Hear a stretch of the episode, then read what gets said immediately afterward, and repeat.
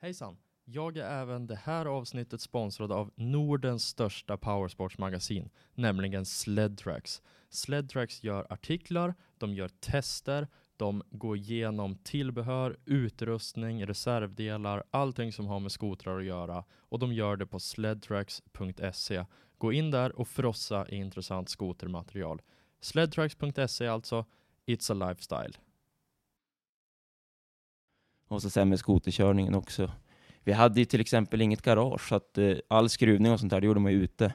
Då blir man ju Typ, typ härdad. under en presenning med eh, pannlampa. Ja, Men fan, det var ju kallt liksom. ja. På vintern. stackars Jag minns- barn vet du. Jag har ett minne där jag skulle fixa handtagsvärmare.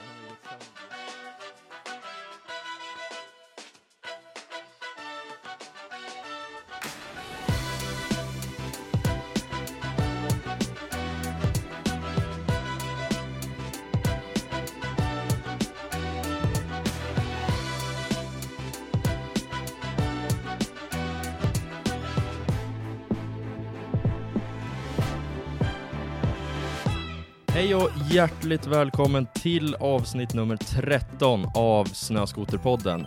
När jag satt i tankarna om att starta den här podden för ungefär ett år sedan idag så funderade jag på vilka gäster jag skulle kunna bjuda in och gjorde då en liten lista i telefon på massa intressanta personer jag skulle kunna intervjua. Så idag är det faktiskt en väldigt speciell dag för mig eftersom jag sitter här med personen som var det första namnet som jag skrev ner på den här listan, nämligen Emil Arling. Emil har ett stort och stadigt växande Instagramkonto där han delar med sig av sin skoterkörning. Han har även en Youtube-kanal med ständigt växande tittarsiffror och det är nog många som kan skriva under på att Emil, han är nog Sveriges just nu vassaste skoteråkare när det gäller friåkning. Vilket gör det till en väldigt stor ära att äntligen ha fått till den här inspelningen. Emil Arling, varmt välkommen till Snöskoterpodden. Tack så mycket, jättekul att vara här. Du tycker det? Ja, det är inte ofta man får prata om sig själv och... Nej, inte så här länge i alla fall. Nej, Liksom på Youtube, då blir det ganska korta. ja precis. Och så sen kan man ju liksom klippa och klistra och ändå liksom bestämma vad som ska visas. Ja men faktiskt. Så ja, det här blir, det blir spännande. Ja. Hur mår du idag då? Eh, Ja, men jag mår bra. Eh, Vi har haft eh, eh, slädstörevent här i helgen. Nu är det söndag, solen tittar fram. Nu har haft snöstorm typ hela helgen. Eh, Vi är ju uppe det- i Borgafjäll. Ja, vi är uppe i Borgafjäll. Eh, vi hade, vi mätte igår med lavinsond, vi hade en och en halv meter snö. Och det är mestadels puder också, så det, det har ju varit fruktansvärt bra. Alltså det var det fantastiskt. Jag, jag har nog upplevt den bästa körningen någonsin i Sverige. Ja, jag också. Det är nog topp det är nog topp fem i alla fall. Ja alltså, had- hade det, varit, hade det varit sol nu under de här två dagarna, då hade det varit 10 av 10. Alltså det, det går inte att fråga efter något mer när det gäller i alla fall snödjup. Nej, exakt. Det var ju bara att det var lite dålig sikt där. Men vi var ju nere i granskogen, så då hade vi ju vi hade ju lite bättre sikt i alla fall. Ja, nej, det har varit jäkligt roligt. Vi var ju, hur många var vi? Var vi 14 deltagare? Eh, ja, precis. 14 deltagare. Ehm, Och tre ledare, däribland du. Precis, så att eh, ja, det, det är lätt att eh, granskogen är ju väldigt speciell också. Det är lätt att tappa bort folk. Som ledare får man ju liksom åka runt och försöka hitta rätt på alla. Valla fåren. Ja men typ. Eh, Vi har ju haft Mattias Brinn med också. Han är ju renskötare och han, han har ju rutin på det där. Han sa det är ungefär, det är ungefär ganska lika. Enda skillnaden är väl att renar har lite mer flockinstinkt. Skoteråkare det är mera spritt. Ja, det var en fin liknelse ändå. Ja, Ja, ja, nej men vi har haft en, en fantastiskt bra helg. Det enda som är lite synd som sagt är att solen tittar fram nu. Men men, vi är inte bitter för det.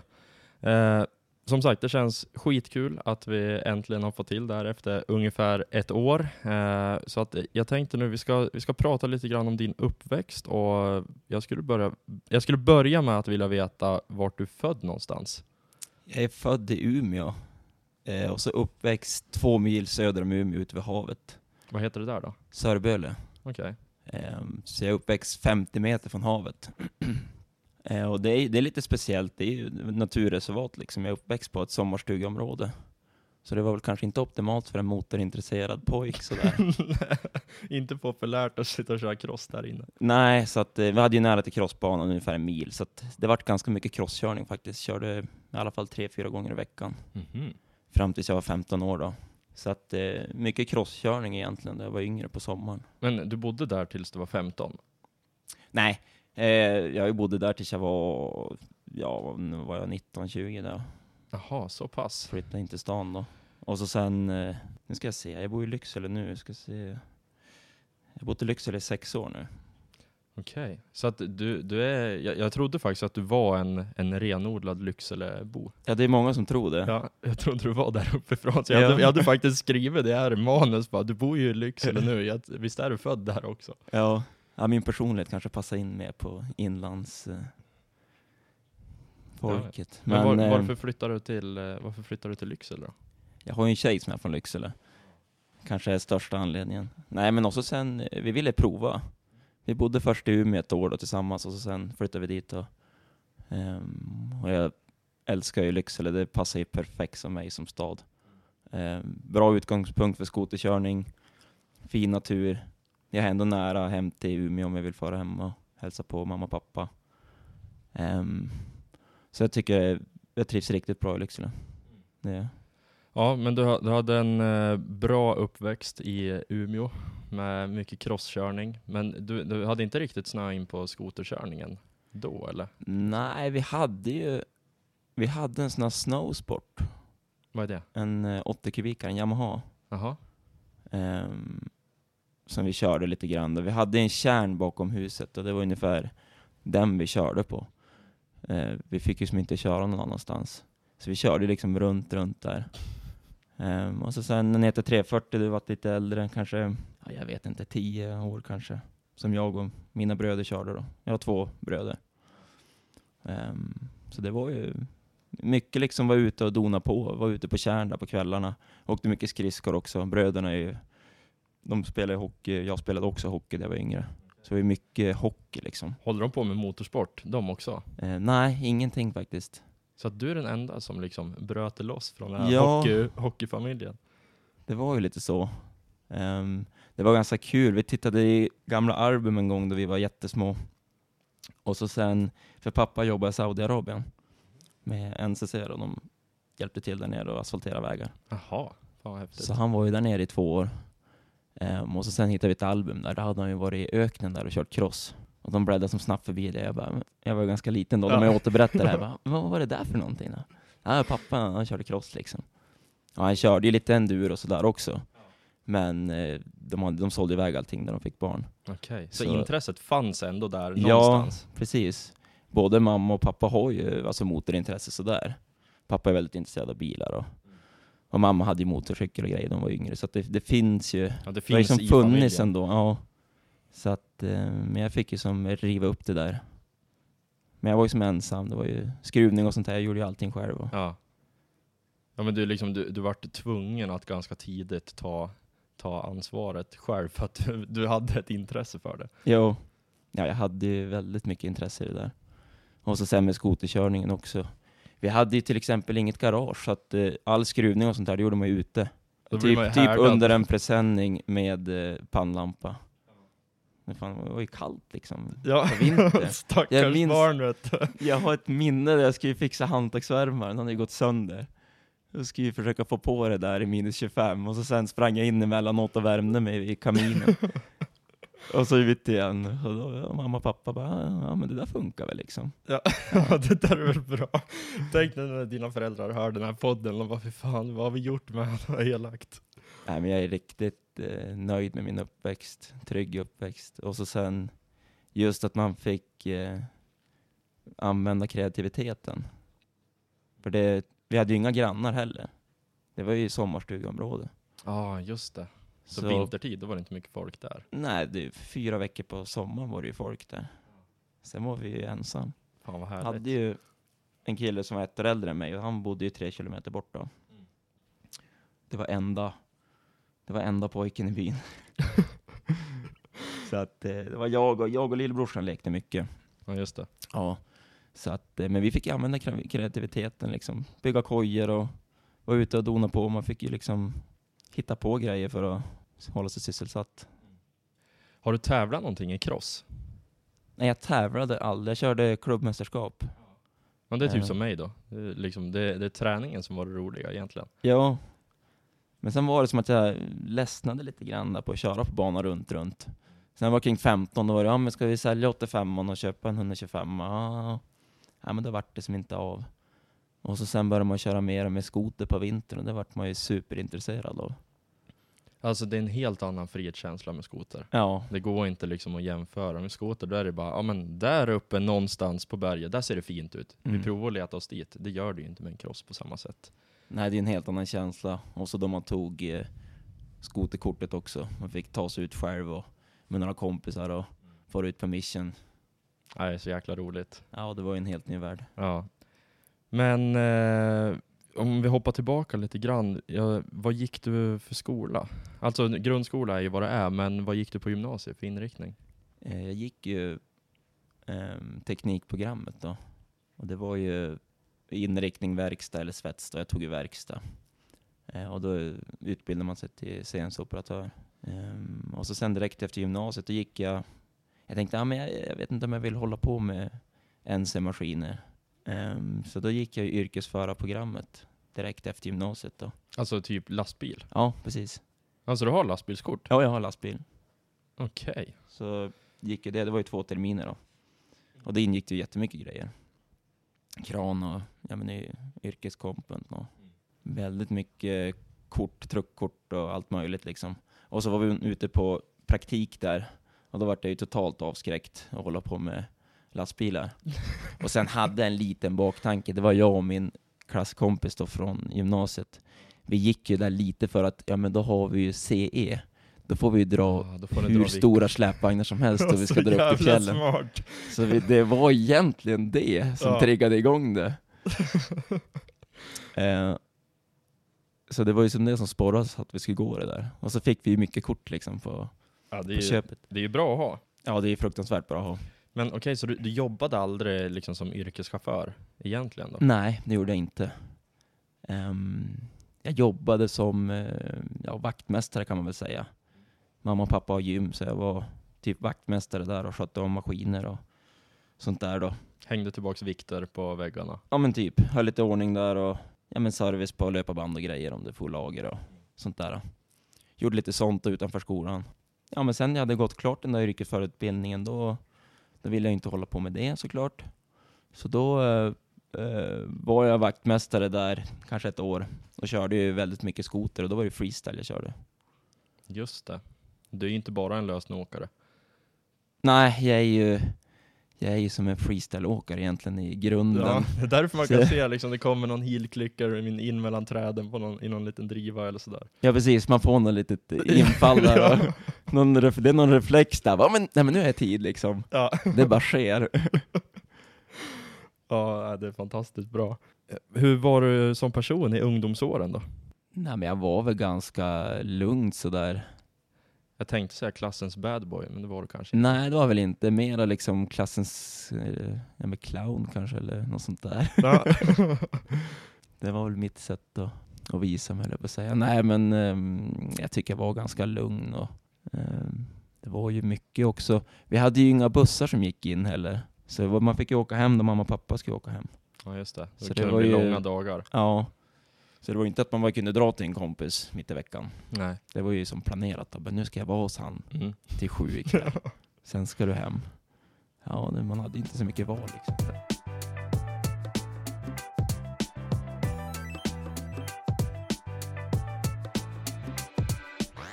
Men eh, din skoterkarriär då, hur, eh, hur, liksom, hur började den? Var det, ni, ni körde där på någon liten kärn nedanför, eller runt huset, eller, eller vad du sa? Ja, och så sen kompisen, han bodde ju, eh, som jag var mycket med då, mm, han eh, bodde ju ungefär en mil kanske in från Umeå. Så det var alltid lite mer snö där. Och så hade han tillgång till verkstad, hans morfar hade en butik, skoterbutik. Så vi hade ju tillgång till verkstad och han hade också en traktor där. Så vi började liksom skotta upp hopp och grejer redan då vi körde småskotrar. Och så sen, eh, ja men hoppen vart större. Vi tänkte, ja men en ramp bygger vi för den, ett snöhopp, det blir ju dåligt på tre, fyra hopp. Vi bygger en ramp. Och det var ju en fruktansvärt dålig ramp. Jag tror vi var f- 15-16 kanske. Byggde vi ihop en liten ramp. Den var inte hög, den kanske var 1,50 hög. Och väldigt liten radie. Men vänta, 1,50 hög och sen tänker man att en skoter är ändå, ja men i alla fall två meter lång. Ja. Eller tre meter lång kanske. Det Ja, den vart ju väldigt tvär, det var ju Ja, som ingen, Det blir som ett gupp bara. ja, vi hoppade ju kanske såhär fem meter som max. Vi provade ju dra bak den där mer och mer, men den gick ju bara sönder. Så vi skrotade den till slut. Ni byggde av trä då eller? Nej, vi byggde den av järn. Vi Ja, ni gjorde ju, det? Ja, vi hade tillgång till svets, så vi kolade ihop en, en sån där. Och den var ju, det var ju liksom eh, sånt där Elfa-system, eh, hyllsystem. Jaha. Det var ju Det är liksom stag och grejer vi hade svetsat fast på den där. Det är ju inte superstarkt kanske. Nej, vi tog det vi hittade. Vi tog det järnskrotet vi hittade. Så den, eh, men den vart skrot på en vinter. Fick ju svetsa den varje dag typ. Vad åkte ni för skotrar då? Eh, då åkte, eh, då åkte jag, hade en, en XR 440 tillsammans med mina bröder. Som jag åkte. Och så sen eh, köpte jag min första skoter, det var en eh, Lynx Enduro 500. De är vätskekyld. Ja, den var vätskekyld. Ja. Det är 550 som är fläkt. Ja, precis. Med en 23 mm matta. Så jag bytte ju till en värstingmatta, jag bytte ju till en 32. Ja, det var högkampsmatta då. Ja, brutalt. Och så gjorde jag en egen dyna på den där också. Med urtag för att kunna göra seat grab. Eh, faktiskt inte första året, jag hade den två säsonger. Första året hade jag någon egen dyna av, ja jag vet inte vad det var för material, den höll ju i alla fall inte. Jag fick på originaldynan till slut, på våren där. Och så sen året efter, då byggde vi en, eh, då byggde vi en superkicker-ramp, har jag för mig. Ja, det gjorde vi. 2007, som vi började köra lite med. Och den har ju liksom 52 graders vinkel och är tre meter hög. Och då är det ju Så det betydligt ju- mycket mer seriöst. Ja, mer seriöst och så sen måste man ju ha en landning som är alltså 4-5 meter i alla fall. Du måste ju ha en landning egentligen som är 5,5 om du ska hoppa. Och då är det ingenting man handskottar. Nej, så vi fixade upp en jordhög eh, med, med den där eh, gamla Volvon, traktorn då. Så vi fick ju upp en liten landning där. Och då kände jag att ja, men den, den här Lynxen, den, den, eh, den kommer ju inte funka originalutförande. Så jag byggde om den där. Eh, Jag gjorde en egen pyramid. Okej, så istället för att bara byta till en annan skoter, då börjar du modifiera och bygga om Ja, din befintliga. Ja, precis. Jag, tänkte, jag var som ändå nöjd med den på något sätt. Så att, och jag hade ju skimsat om dämparna året innan. Eh, så jag var ju som Du hade nöjd. kostat på honom Ja, lite jag grann, hade du känner dig kostat- tvungen att ha kvar den. Ja, den var ju så jäkla fin i fjädringen tyckte man. Den var ju riktigt fin alltså. Så jag tänkte, ja, men jag bygger upp den här lite grann. Jag fixar upp så att eh, styrposten är lite högre och lite längre fram. Lite modernare sådär. Och så sen bygger jag en, eh, en eh, freestyle-dyna. Tänkte jag så jag kan göra något grab-trick. Eh, och det var ju en crossdyna då med en stålram som var stenhård. Ja. Och väldigt obekväm. ja, jag kan tänka mig det. Men på den här tiden då, vad sa du, det var 2007 ungefär? ja, 2007. För då hade ju ändå så här, ja men Reven hade kommit, IQn, den hade ju funnits i flera år. Ja. Man kunde ju se vart utvecklingen var på väg på skotermarknaden. Mm. Så då, då förstår jag ändå att du så fick lite idéer, att man kanske ville ha en mer upprätt körposition och ja, lite högre dyna och sådär. ja, precis. Nej men de där, de där Lynxarna var ju bra. Alltså det var ju sjukt bra maskin då, om man jämför med de som fanns innan med, liksom med lite sämre fjädring och sånt där. Ja, jo, det var ju relativt bra fjädring på den där. Eh, Så den, men vi körde väl på lite grann med rampkörningen där. Och, ja, men man började väl slänga ut ett litet ben och, och så. Man tyckte det var hur kul som helst att utvecklas med det där. Och så ja, med filma och det såg ju fränt ut liksom. Lägga ut någon bild. Jag vet inte vad det var då. Det hette väl typ Apberget eller någonting. Som man hade när man var... Apberget? Ja, Vadå, en, hemsi- eller var det, en var det hemsida? bara i Västerbotten? Eller vad, vad är det för något? Apberget, det är typ som Facebook nu. Nej, det, var, ja, det har jag aldrig hört. Nej, det var nog bara, Där det var nog bara ju... Västerbotten. Ja. Nej, vi, hade, vi hade bilddagboken vi. Och sen så var det väl, eh, vad, vad hette det andra? Eh, Eh, inte... Nej, inte... Ja, Någonting jag- med box va? Lunarstorm. Ja, Lunarstorm. Fast det kanske inte var... Jag vet inte om kanske, jag hade det, jag tror... Nej, jag hade det aldrig. Det var före min tid. Ja.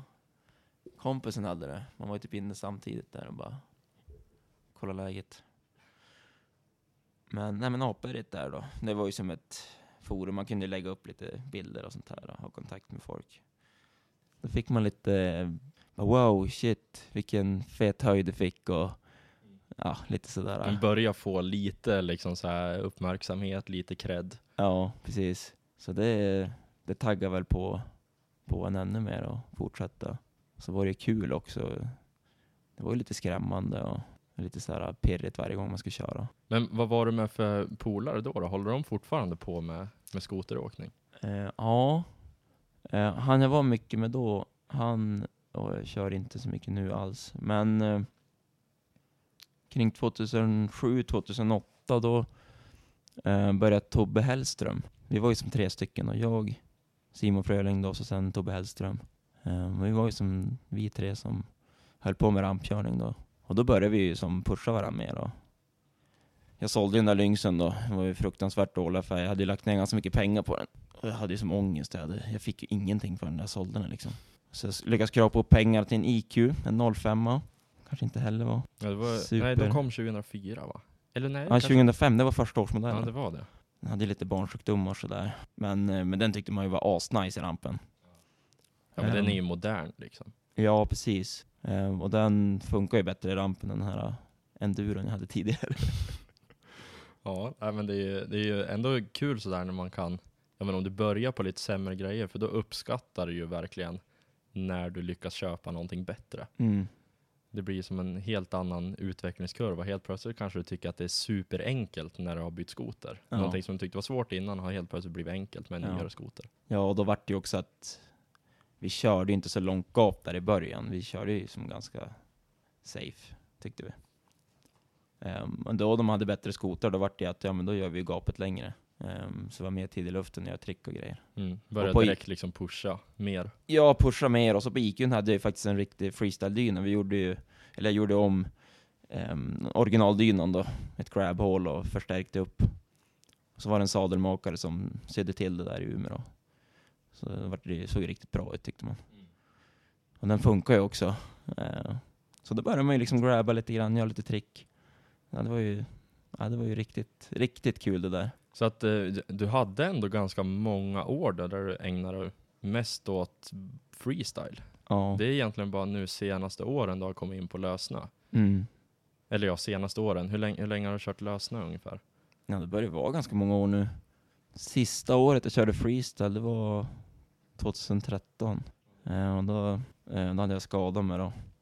Igen, jag har ju haft lite problem med mina axlar. Eh, hela min skoterkarriär egentligen. Ehm, och då hade jag ju opererat dem två gånger och så sen drog jag på mig en krasch. Vi var uppe och körde i Arvidsjaur hos en polare på hösten där 2013. Och då eh, det gick det superbra och så sen skulle man ju förstås pusha lite extra och så vart det en krasch då. Um, och då så sen då skrotade jag axeln igen. Så jag skulle måste operera den igen då. Um, så jag tänkte, ja men nu, nu säljer jag den här nu. Nu skiter jag i freestylen ett tag. Jag tar det lite lugnt, jag säljer skotern. Så jag sålde skotern, hade ingen skoter. Det gick i typ två veckor. Sen börjar man få ångest. Ja, så bara, men jag vill ju köra, vad ska jag, vad ska jag köpa? Och då hade jag ju, då kände jag Jocke. Vi lärde ju känna varandra genom rampkörningen också. Jocke Rönnqvist. Ja, och han sa, ja men vad fan, ring till, ring till Edvard på Vilhelmina Motorcenter och, och hör med han så kan du kanske få någon bra deal eller någonting. Jag bara, ja. Så jag ringde han ju frågade liksom, men, jag skulle vilja köpa en skoter. Han bara, ja. Ja men en lösnemaskin Jag ska köpa en, en lång maskin. Jag ska som köra lugnt i vinter. Jag ska ha en lång maskin. Han bara, ja, ja vad har du tänkt för en modell då? Ja men en sån här switchback. 146. Vart det tyst i telefon. Jag bara, hallå? Ja men, eh, vad, vad, vad är det för skoter du ska ha Sid? Nej men en lång, en, en switchback, 146. Nej men eh, vi säljer inte korta maskiner. Bara, Nej. Ja men, eh, vad ska jag ha då? Ja du ska ju ha en Pro RMK. Alltså, Alltså. han, han fick introdu- introducera den modellen för dig. Ja, han gick stenhårt på att jag skulle ha en, en uh, riktig lösningsmaskin. Så han sa du ska ha en Pro RMK. Ja, men du vet jag gillar ju att hoppa mycket och sånt här också. Ehm, men eh, det slutade i alla fall på att det vart en RMK Sult. Och den var ju 155. Så det var ju som en, Ja, En kompromiss. Ja, du det vart bra det. dämpare men ändå längden, mattlängden. precis. Den, eh, den tyckte jag ju, jag hade ju riktigt roligt med den där. Och första resan var på mellandagarna, då följde jag med Edvard och så sen ett gäng till uppe i Hemavan. Eh, Och det var ju som första gången jag får ut och körde i skogen på riktigt sådär. Och så var jag och körde med dem och så far de bara upp i värsta branten. Jag bara shit alltså, ja, men, alltså vad händer om man tappar skotern där uppe? Det blir bara skrot och allt. Så jag var ju som där nere och svarvade på lite grann, körde fram och åter och så, ja men jag måste ju prova. Så jag började köra upp där och, ja men, körde på ett tag och efter en timme kanske då, då var det de som stod och tittade på det jag körde. Ja, och då hade du som vänt. Ja, då hade jag som kommit på det där. Jag vart ju helt taggad. Så jag får ju runt träden där och körde ju på liksom. Och det var ju brant där. Och det var ju hur kul som helst. Och de bara stod där bara, så vad händer Emil? Det här ser ju hur bra ut som helst. Ja, Så du hade liksom eh, fallenhet för det direkt, trots att du inte hade lagt så mycket tid på lösna innan? Du hade aldrig liksom kört skogsåkning innan? Nej, man har ju kört eh, med freestyle liksom. Det är ju det är helt, helt plant konstgräs, en ramp som man verkligen har vägt in, landning liksom. Så kör man sådär runt, runt. Och så på våren får man ju byggde hopp och grejer i fjällen och körde, men det var ju som inte, inte sån där, man var- tvungen att ha liksom känsla och hantera skotern i terräng då du kan studsa hur som helst. Utan, men, det, men jag tror också att det, för jag körde ju trail sedan 2009, eh, och det är ju så här superjobbigt för nervsystemet att hålla på med. Okej, Det är berätta liksom- mer. Ja men det kräver mycket tålamod. Det är ju liksom, eh, det är ingen fart. Du står ju i princip still hela tiden med motorcykeln och så sen ska du ju hålla balansen och du får inte sätta ner fötterna. Eh, du måste vara ganska explosiv, ta liksom beslut hela tiden. Eh, och då måste du lyfta hjulen på maskinen så du måste ju vara lite fysisk också. Så du har ju liksom bra kontakt med musklerna. Så nervsystemet får jobba hela tiden. Eh, och det där verkar ju som att jag hade stor fördel av det jag gick på började köra lössnö. Ja men jag kan tänka mig det, för det är ju lite samma tänk och så här, se möjligheter i, ja men när du kör trial då, då kanske du ska stödja mot en stubbe ena stund och sen ska du hoppa mot en sten nästa Mm. stund och sen så tar du runt ett träd. Det blir ju ändå samma tänk så här och liksom se vägar där det egentligen inte är en väg. Nej, precis. Läsa terrängen hela tiden och så sen tekniken med att jobba med kroppen på skotern. Jag hade jättelätt redan i början att bara hoppa över från sidorna. Det var ju liksom, det var inte många som gjorde det liksom. Det var ju Chris Brandt, han var ju världens gud. Så det var ju som, alltså vad snabb du är och vad snabbt du kör i skogen. Jag tycker inte det gick så snabbt. Jag tycker fortfarande att det, det inte går så snabbt. Sen kollar man på GoPron och då bara shit alltså det, det var, jag tycker det ser bättre ut på filmen än vad Så det brukar det ju upplevs när man inte vara. kör. Så brukar det inte vara heller. Det brukar ju oftast bli när man, när man slår upp det på datorn, kollar på vad man har filmat på GoPron. Ja. Ja. bara, äh, fan, det ser inte ens brant ut. Det här går ju jättelångsamt. Det kändes mycket mer i huvudet. Ja. ja, det där som det att det inte ser brant ut, det, så är det ju på GoPron. Det ser ofta flackt ut. Men just det där med farten i skogen och det tycker jag ser snabbare ut på GoPron än i verkligheten. Ja, det, så är det nog. Men fick du hybris då, av allt det här? Liksom när det är folk som säger att du är duktig och liksom du eh, har inte tränat på det innan, men du kan det typ naturligt. Ja, det vart ju lite grann så, men jag var ju som ändå inne på att jag skulle eh, vilja hoppa. Jag hade ju, eh, ja men när jag kraschade där eh, med freestylen, innan jag köpte långa maskin, då, ja men jag skulle ju inte operera mig direkt, jag skulle operera mig till sommaren. Så jag skulle göra en sån här väst om jag ska göra några extrema grejer, då ska jag ha en väst som spärrar axlarna så att de inte hoppar ur led.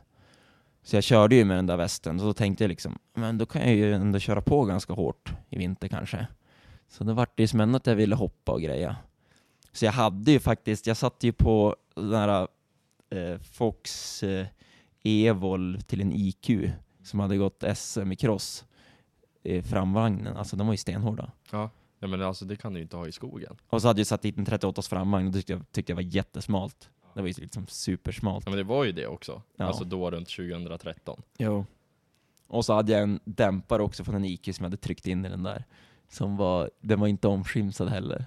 Så den var ju stenhård liksom, så den var inte optimal alls till att köra i skogen med. Ehm, eller köra lössnö med egentligen. Så jag hade ju ganska kämpigt. Eh, Jag provade ju Janne Grönberg och Anders Semberg från Kiruna då. Jag var och körde med dem en sväng och fick prova Jannes skoter. Eh, och den hade ju 36 tums framvagn, det var en Pro RMK också. 36 tums framvagn ehm, och liksom eh, mjukfjädring och så här, liksom byggd för lössnö. Jag kände liksom att shit, det här är ju det är en helt annan grej. Vad lugnt det är att köra brant liksom. Och när jag vände runt, det blir inte alls det här kränget att ja, men när jag Nej, lägger ner maskinen att det liksom. bryter ner. Nej. Utan det var ju som att, det var ju bara att dansa fram. Ehm, så jag körde ju, körde ett år med Sulten där. Och så tvingade Edvard på mig en Pro RMK. Och då var det ju bältdrive och jag var väldigt skeptisk till det. Nej, jag ska inte ha någon bältdrive, det kommer jag ju knäcka. Nymodigheter. Ja, jag ska göra stenhårda grejer. Det ska, ska vara stenhård fjädring, det ska vara kedjehus, om jag vill göra topp liksom. Om det blir ett topp, då ska jag ha grejer för att det ska hålla. Ja. Du, du hade liksom ändå den här freestylen i bakhuvudet, att Ja. det, är liksom, det, det är det som är DNA. Det är ju det. Nej, men han fick in mig på en Pro RMK. Det var då Access kom. Och så sen vart det ju Access. Det var första Pro RMK. Det var ju då jag började satsa mer på lösnekörningen också. Och jag hade inte knäckt en bältdrive sen dess. Trots att Eller du kör ganska hårt. Det är faktiskt sjukt att det håller. Ja, jag tycker också. Jag vart ju chockad första säsongen. Ja men liksom, det är ju inget underhåll heller. Alltså, Nej, det är väldigt enkelt. Det är Alltså, superenkelt. jag måste sen som terrängen i Sverige, det är ju liksom hårt ena dagen och så kan det vara löst alltså, helgen efter. Ja nej, alltså jag, jag fattar inte att det håller. Och sen att det, det sitter helt öppet också under kåporna. Alltså jag menar, det far ju ner pinnar och det far ner barr och det far ner snö och grejer, men det är som, Ja, och så, fry, och så liksom fryser det på natten vid Ja, is. nej jag Det inte håller att det ändå. håller. Och så sen är det ju ingen spänning heller på den där. Det är bara att trycka dit det. Och jag byter ju matta ganska ofta beroende på hur föret är. Och det kan ju vara hårt liksom ena dagen och löst andra. Så då byter jag ju mycket matta och det går ju på, jag byter ju matta själv på 25 minuter. Så det var ju perfekt. Men det, är- det är helt sjukt att det håller för sen på våren också, då åker man med en matta som är hård för att få grepp. Och, men det håller ändå. Det, är, det är jättekonstigt. Det är bra kvalitet. Bra jobbat Polaris.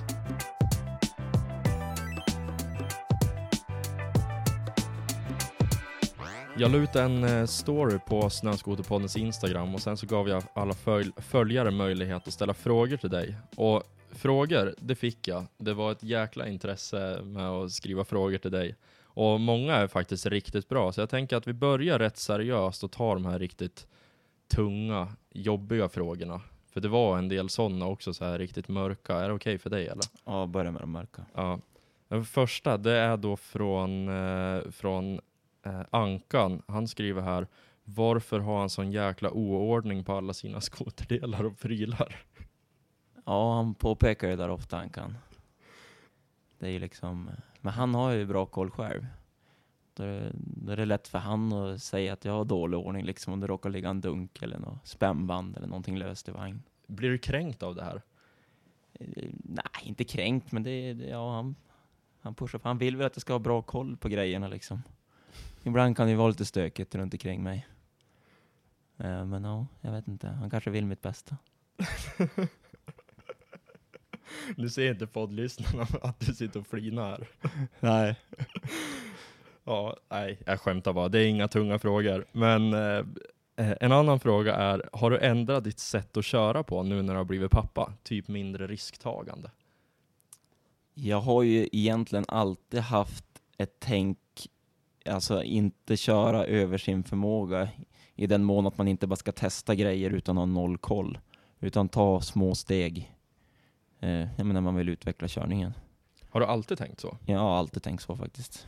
Men det syns nästan på din körstil, för det ser aldrig slamsigt ut tycker jag. Det ser alltid ut som att du har kontroll. Det ser väldigt säkert ut. Ja, många säger också att det ser smooth ut när jag kör. Det går som i ett, det är som en lugn rörelse bara. Ja men faktiskt. Och om du klantar dig, att du ramlar av eller att du kraschar, det är liksom ändå som att du är förberedd på att du ska krascha. Ja, det kommer ju också lite med rutin för man har ju ändå kört så pass mycket så att det dyker som upp scenarion i skallen hela tiden bara. Ja men nu kommer jag till den här väggen, ja man gör man ju som en snabb kalkyl. Vad kan hända? Ja, vart är det minst risk att jag ställer till det liksom? Hur ska jag göra? Men så, så att du har ändå inte, du har inte gjort om, eller du kör inte på ett annat sätt nu sen du blev, har blivit pappa, egentligen då? Nej, egentligen inte. Jag kör lite mindre. Jag vill ju vara hemma mer Ja, med familjen. jo, men det är väl förståeligt. Jo. Så att, eh, men annars är det väl, eh, jag har ju som, ja men som sagt, jag har ju som alltid haft det där tänket. Inte, det kan ju alltid hända grejer.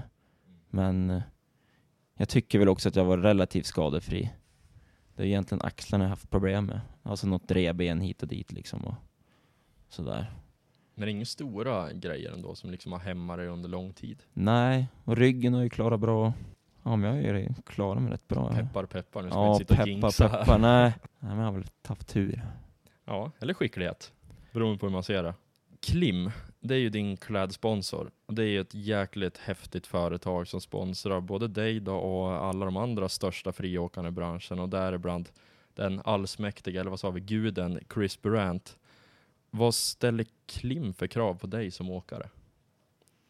Är de så här stenhård, liksom, ah, men det ska vara två Instagram-inlägg om dagen, det ska vara massa stories, eller liksom, De är inte stenhård så på det. Eh, ja, vi har ju lite riktlinjer som man ska gå efter. Eh, sådär. Det är klart de vill att man ska pusha dem på sociala medier. Eh, men de har ju stenkoll också på de som är deras teamåkare. De hade ju stenkoll på mig innan jag signade dem. ja, för du har åkt med dem i Det här är tredje säsongen. tredje säsongen. ja.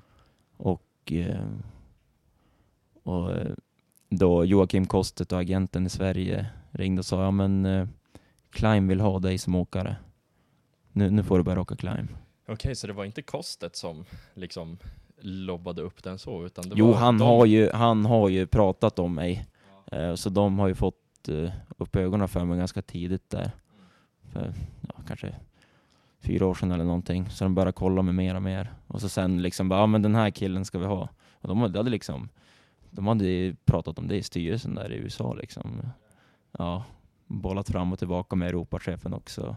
Det Ja, är ju men, ganska eh, seriöst. Ja, och de vill ju ha in en kille från Europa, i, för de har ju ett backcountry-team då i USA. Jag vet inte hur många de är, om de är tio stycken kanske, 10-12.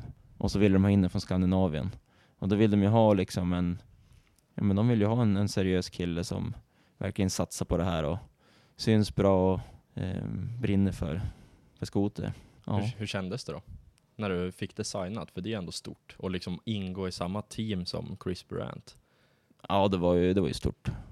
Det känns ju jättehäftigt. Och så sen att ja, men vi kom över på våran teamride så, så kör vi ihop allihopa. Det var lite kul också första gången jag skulle flyga dit. Det var ju i januari skulle teamride vara. Och så när jag har flugit ner till Stockholm då, då ringer de just när jag ska gå på planet till, um, um, till Colorado ska jag flyga först. Um, då ringer de och säger du det är inställt det här. Jag bara va? Ja, det är så, det är så hög lavinrisk. Så det blir inställt. Jag bara, men jag flyger ner till Stockholm nu. De bara, okej, ja men du, kom över ändå. Så får du se högkvarteret och träffa alla som jobbar här. Och vi kan ändå fara ut och åka, men vi vill inte ha liksom en grupp på 15-20 pers totalt ute i en sån terräng. Um, men, men kom hit så då kanske vi kan få en åkdag också. Ändå, om det har lugnat sig. Ja, då var ju liksom bara wow, ja, det här var ju, det var ju nästan ännu bättre för mig, för då fick jag ju liksom bra tid med dem där. Och de fick se mer av mig Ja, också. knyta lite band, bli lite kompis. Ja, sätt precis. kanske. Bli lite mer tjenis med dem liksom. Ja, det var ju superkul också, högkvarteret där. Och kolla liksom, ja men, på utvecklingssidan och design och eh, hur de arbetar med allting där och folket som jobbade där. Eh, ja, det var riktigt, riktigt kul. Att eh, du är helt sjuk på att köra, det vet ju de flesta redan vid det här laget. Men hur mycket skoter kör du egentligen? Jag är inte den som kör mest, det är jag inte. Men jag körde väldigt mycket där ett tag. Jag hade ju kanske, eh, ja men, som bäst då, tre, fyra kördagar i veckan. I snitt under vinterhalvåret. Okej. Men n- ni har väl stuga? Du och tjejen har väl stuga i, i Hemavan? Ja, Och den ligger väl rätt bra liksom? ja, den ligger väldigt bra till. Det är tre fjällsidor i närheten och eh, man kan ju egentligen alltid hitta bra snö. Än när det har blåst. Och så sen är det nära också, så jag kan ju liksom fara iväg efter middagen och blåsa av ett pass närmast. För den stugan är på som en fjällkant, så jag kan ju bara fara bakom stugan upp och Ja, du behöver inte lasta på någon släpvagn eller sådär, utan du kan köra direkt från knuten liksom. ja. Och hon är väldigt skoterintresserad också, sambon. Eh, Så det har alltid funnits, funnits ett intresse så. Ja, och grabben också, hur gammal är han? Han är snart två. Han fyller, han fyller två nu i februari. Ja, han verkar ju vara en riktig adrenalin-junkie också. Ja, jag vet inte hur många hopp han gör per dag. Alltså han gillar bara hoppa från grejer. Ja, Ehm, han, ja, han, han tycker det... han är så jäkla gullig alltså. Ja, typ kliva upp på din skoter, ska sitta med när du lastar, sitta med när du backar av. Jo, han vill ju vara med. Han är ju superladdad. Vi har ju garaget också sitter ihop med huset, så vi går ju alltid via garaget när vi går in, när vi kommer hem. Och ja, han ska ju vara i garaget alltså. Det är där han ska vara. Får han inte vara i garaget, det blir inte bra. Han blir sur alltså? Ja, han, ska, han, vill, han vill vara där ute och dona på. Han har en liten trehjuling som han står och skruvar i. En sån här eldriven trehjuling då, som han har ju trimmat förstås. Eh, Det gick ju för sakta. Men eh, han skruvar in där lite grann och håller på liksom där jag skruvar. Vill hjälpa till, river ut verktygslådan och sånt där. Kul. Alltså, exakt. Superkul. Nej men det är jäkligt roligt ändå att det smittar av sig för att eh, det blir väl lite lättare för dig också att hålla på om han inte, alltså om han är nöjd att vara med. Ja, Det måste ju vara en stor fördel. ja precis. Jo, de tyckte både, både tjejen och, och, och pojken och de, de gillar ju att vara med liksom. De har varit med sen, ja, de har alltid varit med. Så de är som vana. De tyckte det är jätteroligt också. Så att, Nej, det är superroligt. Eh, jag har ju fått eh, supermånga frågor om eh, dina olika samarbeten, men sånt här är ju liksom, ja, jag, jag vill typ ta med det, jag vill, jag vill ställa frågan till det, men jag förstår ju också om det är privat och konfidentiellt. Uh, och det är ju liksom just rena tal och pengar och sådana saker, det är ju kanske ingenting man ska prata om. Eh, men du kanske skulle kunna svara på vad du har för deal med de stora företagen utan att säga liksom, några summor eller exakta tal. Stilla folks nyfikenhet. ja, men till exempel, jag har ju, jag har ju ett bra samarbete med Polaris. Um, och där är det lite grann, uh, ja, men jag hjälper dem och uh, till exempel, vi fotar ju nästa års maskiner. När det ska fotas i Skandinavien, då får jag vara med på sånt. Eh, och det är superkul. Och så är det ju, det är ju jättehemligt också. Ja, Man får ju som iväg ett team då. En avlägsen ort då. Och, och fota en vecka.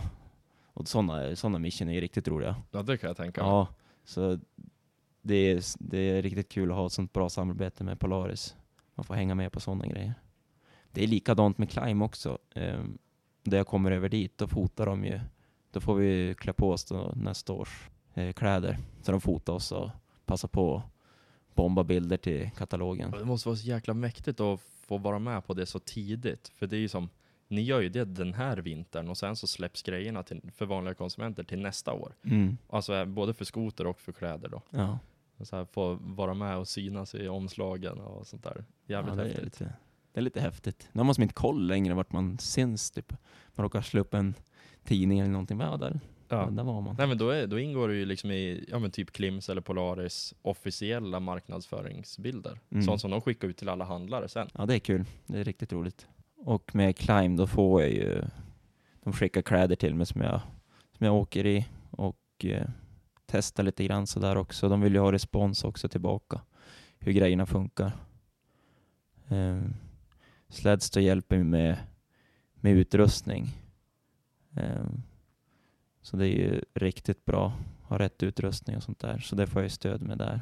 Och Polaris, det, det samarbetet jag har med dem, det, ehm, det är lite så här byteshandel.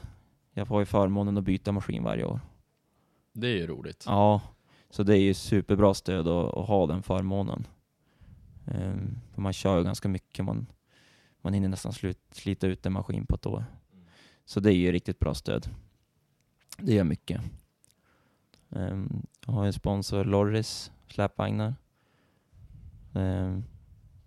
Och där eh, får jag låna en släpvagn då för att frakta mig säkert och tryggt. Eller inte mig då, eh, skotern. du, så här, du sitter i en hundbur, Jeppebur bak i släpvagn. Ja, precis.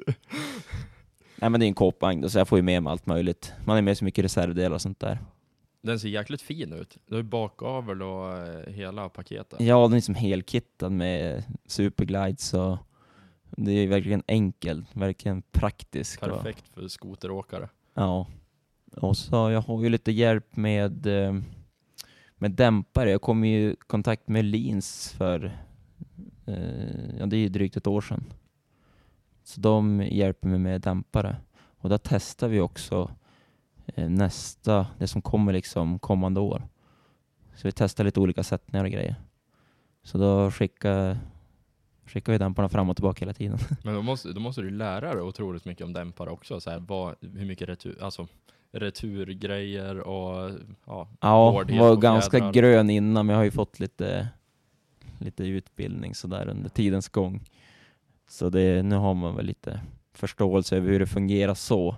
Över hur dämparen funkar, det, det fattar jag ingenting av. Men vad som händer då jag rattar på olika grejer, det, det har man ju lite mer förståelse för. Så det är riktigt bra. Riktigt bra stöd från Elins också.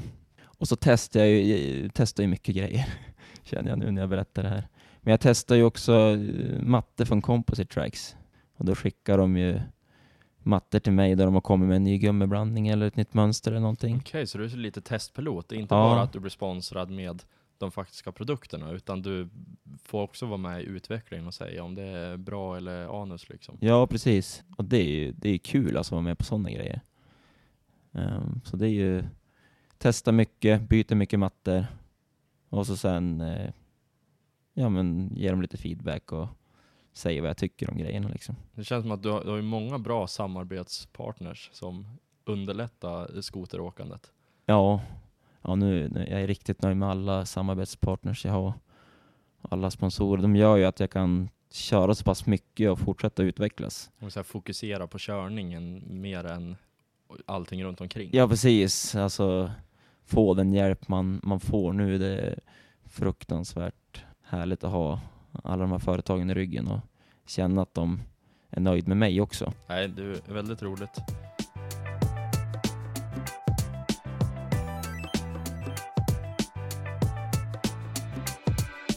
Du har ju, du har ju vloggar också som du har börjat med nu lite mer nu senaste tiden. Eh, jag vet inte, hur många avsnitt kör du ut på en vecka? Är det ett i veckan?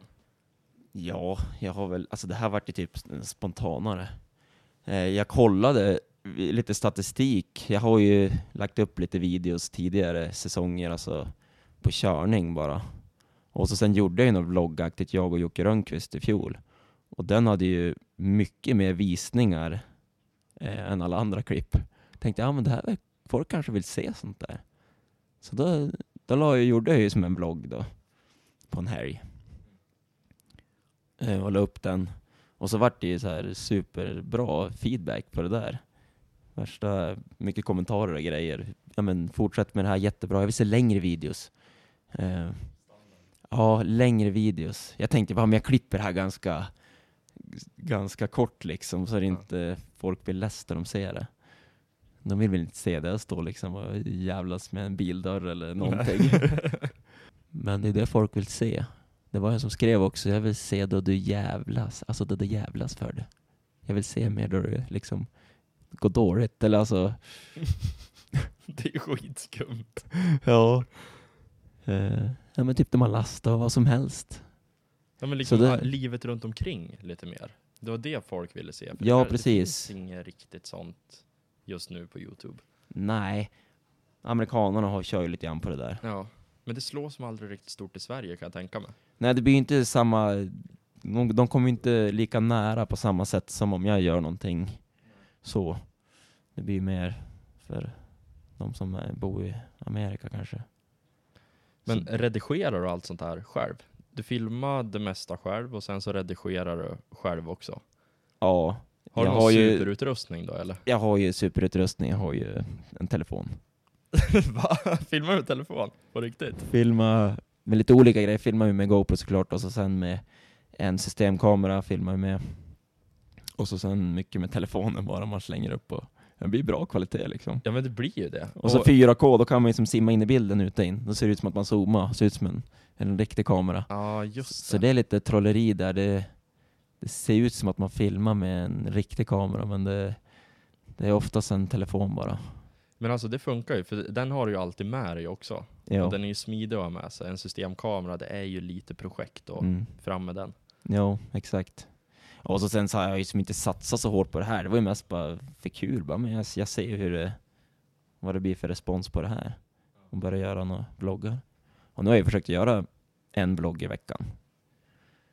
Så får vi se om jag kan hålla det. Ja det är superroligt. Vad använder du för redigeringsprogram då? Jag köpte faktiskt ett redigeringsprogram. För typ, det heter Luma Fusion. tror det kostar 300 kronor. Så jag redigerar på telefon. Ehm, fram tills nu när jag faktiskt köpt en iPad som jag ska redigera på. Ja, det vart lite, du vet 30 minuters vlogg där och så sitta och zooma in på timelinen. Det, det blir fippligt. Ja, det blir det. Och så lägger man in och, någon liten låtsnutt kanske och så sen ska synka det där. Och så droppar man in ett klipp och då får allting isär. Alltså det blir helt osynk med musiken. Ja, just det. eh, att det var jättefippligt att hålla på med telefonen. Lite för mycket material att hålla på med Ja. telefon också. Och sen när du ska rendera så tar det svin lång tid kan jag Ja. tänka mig. Så jag har väl inte bästa utrustningen för att göra det men. Ja, men uppenbarligen funkar det ju. Ja det gör ju det. Men jag uppdaterar mig lite grann mer och mer här. Kul! Ja, det blir spännande att se. Nu, följa dig hela vintern. Vilken är din absolut värsta fastkörning då? Oj. Ja, man har väl många där det känns som att det... Men shit, det här kommer ju aldrig att gå. Men det är de värsta fastkörningarna, jag vet inte om specifikt sådär, men de, de jobbigaste är ju eh, då det är någonting under som gör att skoten låser sig. Om du vill tippa runt den eller någonting, men du har någonting, stubbe eller någonting under som... Ja, men jag har, nu har jag en riktigt bra fastkörning här. Ja, nu. jävlar. Jag var uppe och filmade i Arvidsjaur för Northern Light Films. Jag skulle göra en resvändning. Och så var det ett träd som var av. Ehm, och låg liksom jäms med snön. Alltså det, det var... Var det böjt liksom? Du Nej, det var rakt upp. Det, inte. det var Ah, rakt upp, trädet. Och det hade gått av, jag vet inte om det var något blixtutslag eller någonting. Det kanske var 15 centimeter i diameter. Jag gjorde ju en vändning och så lyckades jag liksom vika ner maskinen exakt över den där. Och det låste in i boggen på ett sätt som man var tvungen att lyfta liksom skotern uppåt. Och vi var ju bara två stycken. Ah, Okej, så du landade liksom och trädde på skotern Ja. på det här trädet? Exakt. Åh, Och det får ju liksom på olika sidor in i mellan eh, boggiskenorna. men Så gick det det inte att låste såga ju. av det då? Vi hade ingen såg. Ah, smidigt. Eh, det finns ett filmklipp på det där. Han filmar, jag håller ju på och gnager liksom i, i trädet där och så hade vi någon elvas ringnyckel som han försökte skala lite med. Ja. Så till slut så fick vi av den där trästumpen. Men ni tog av det alltså? Ni, Ja. Det gick inte att lyfta skotern? Nej det gick inte, den hade låst. Då var man tvungen att vrida upp skotern och liksom lyfta allt upp för backen. Det var ganska brant där också. Det gick, alltså det gick inte att lyfta den, så var vi bara två stycken. Men vi var ju säkert där i en och en halv timme liksom. Så det, det är nog värsta. Det kanske inte är en fastkörning så men. Ja, men det, det räknas som en fastkörning. Ja. Det var riktigt grisigt. Oh. Vad är enligt dig ett måste att eh, byta på en standard Polaris? För det är väl Polaris som du har åkt mest? Ja. Ehm, Det viktigaste är väl egentligen styret. Så du har så det känns som att du har bra kontroll över maskinen och att du står i en bra grundposition. Men du sänker alltid styret. Eh, Ja, det beror på vad de, vad de kommer med från fabrik. Vissa modeller, och nu kan du välja också på Polaris, ett lågstyre om du för, förbokar maskinen. Ehm, nu kommer mina med högt styre, så då bytte jag till lägre. Ena satte jag ett lågt originalstyre på, och den andra så satte jag en, eh, en 3 tums höjare tror jag det är. Så ett rakstyre. Så det blir lite lägre. Och sen så kapar du dem, du kapar styret på bredden också rätt mycket, för du kör jäkligt smala styren. Ja, de är ganska smala. Eh, Jag har ju provat väldigt många olika bredder. Dels är det ju nice man gör heatlickers. Ja, just det, det blir lättare att komma runt. Man kommer över lätt. Nej men så sen när man köper skrå, det, eh, har du ett smalare styre så får du övervikten lättare på andra sidan. Och när man är och hoppar fram och tillbaka hela tiden och flyttar kroppen så vill du ha det, du vill inte ha för smalt styre, då tappar du ju lite Ja, men då blir det så jävla ja, tungstyrt. tungstyrt, tappar lite balans. Eh, Så du måste hitta någon balans där. Men det har blivit att korta dem, eller smala ner kanske, ja, vad är det jag tar? Är det två centimeter på varje sida? Jag vet inte vad det är för bredd på mina. Jag mäter dem inte. Jag går bara på känsla. Alltid, bara känsla. Ja men här blir det bra. Ja, Och sen så lägger du snitt. ja. och så sen raka, på raka styren kan man ju flytta in eh, kontrollen också, liksom bromsen och gasen. Ja just det, det kan du inte göra om det är fatbar. Nej, det är väl det jag skulle vilja påpeka man måste byta för att känna sig ett med maskinen. Just det. I motor och variator då? Är det någonting speciellt man behöver göra där? De är ju så bra från fabrik egentligen.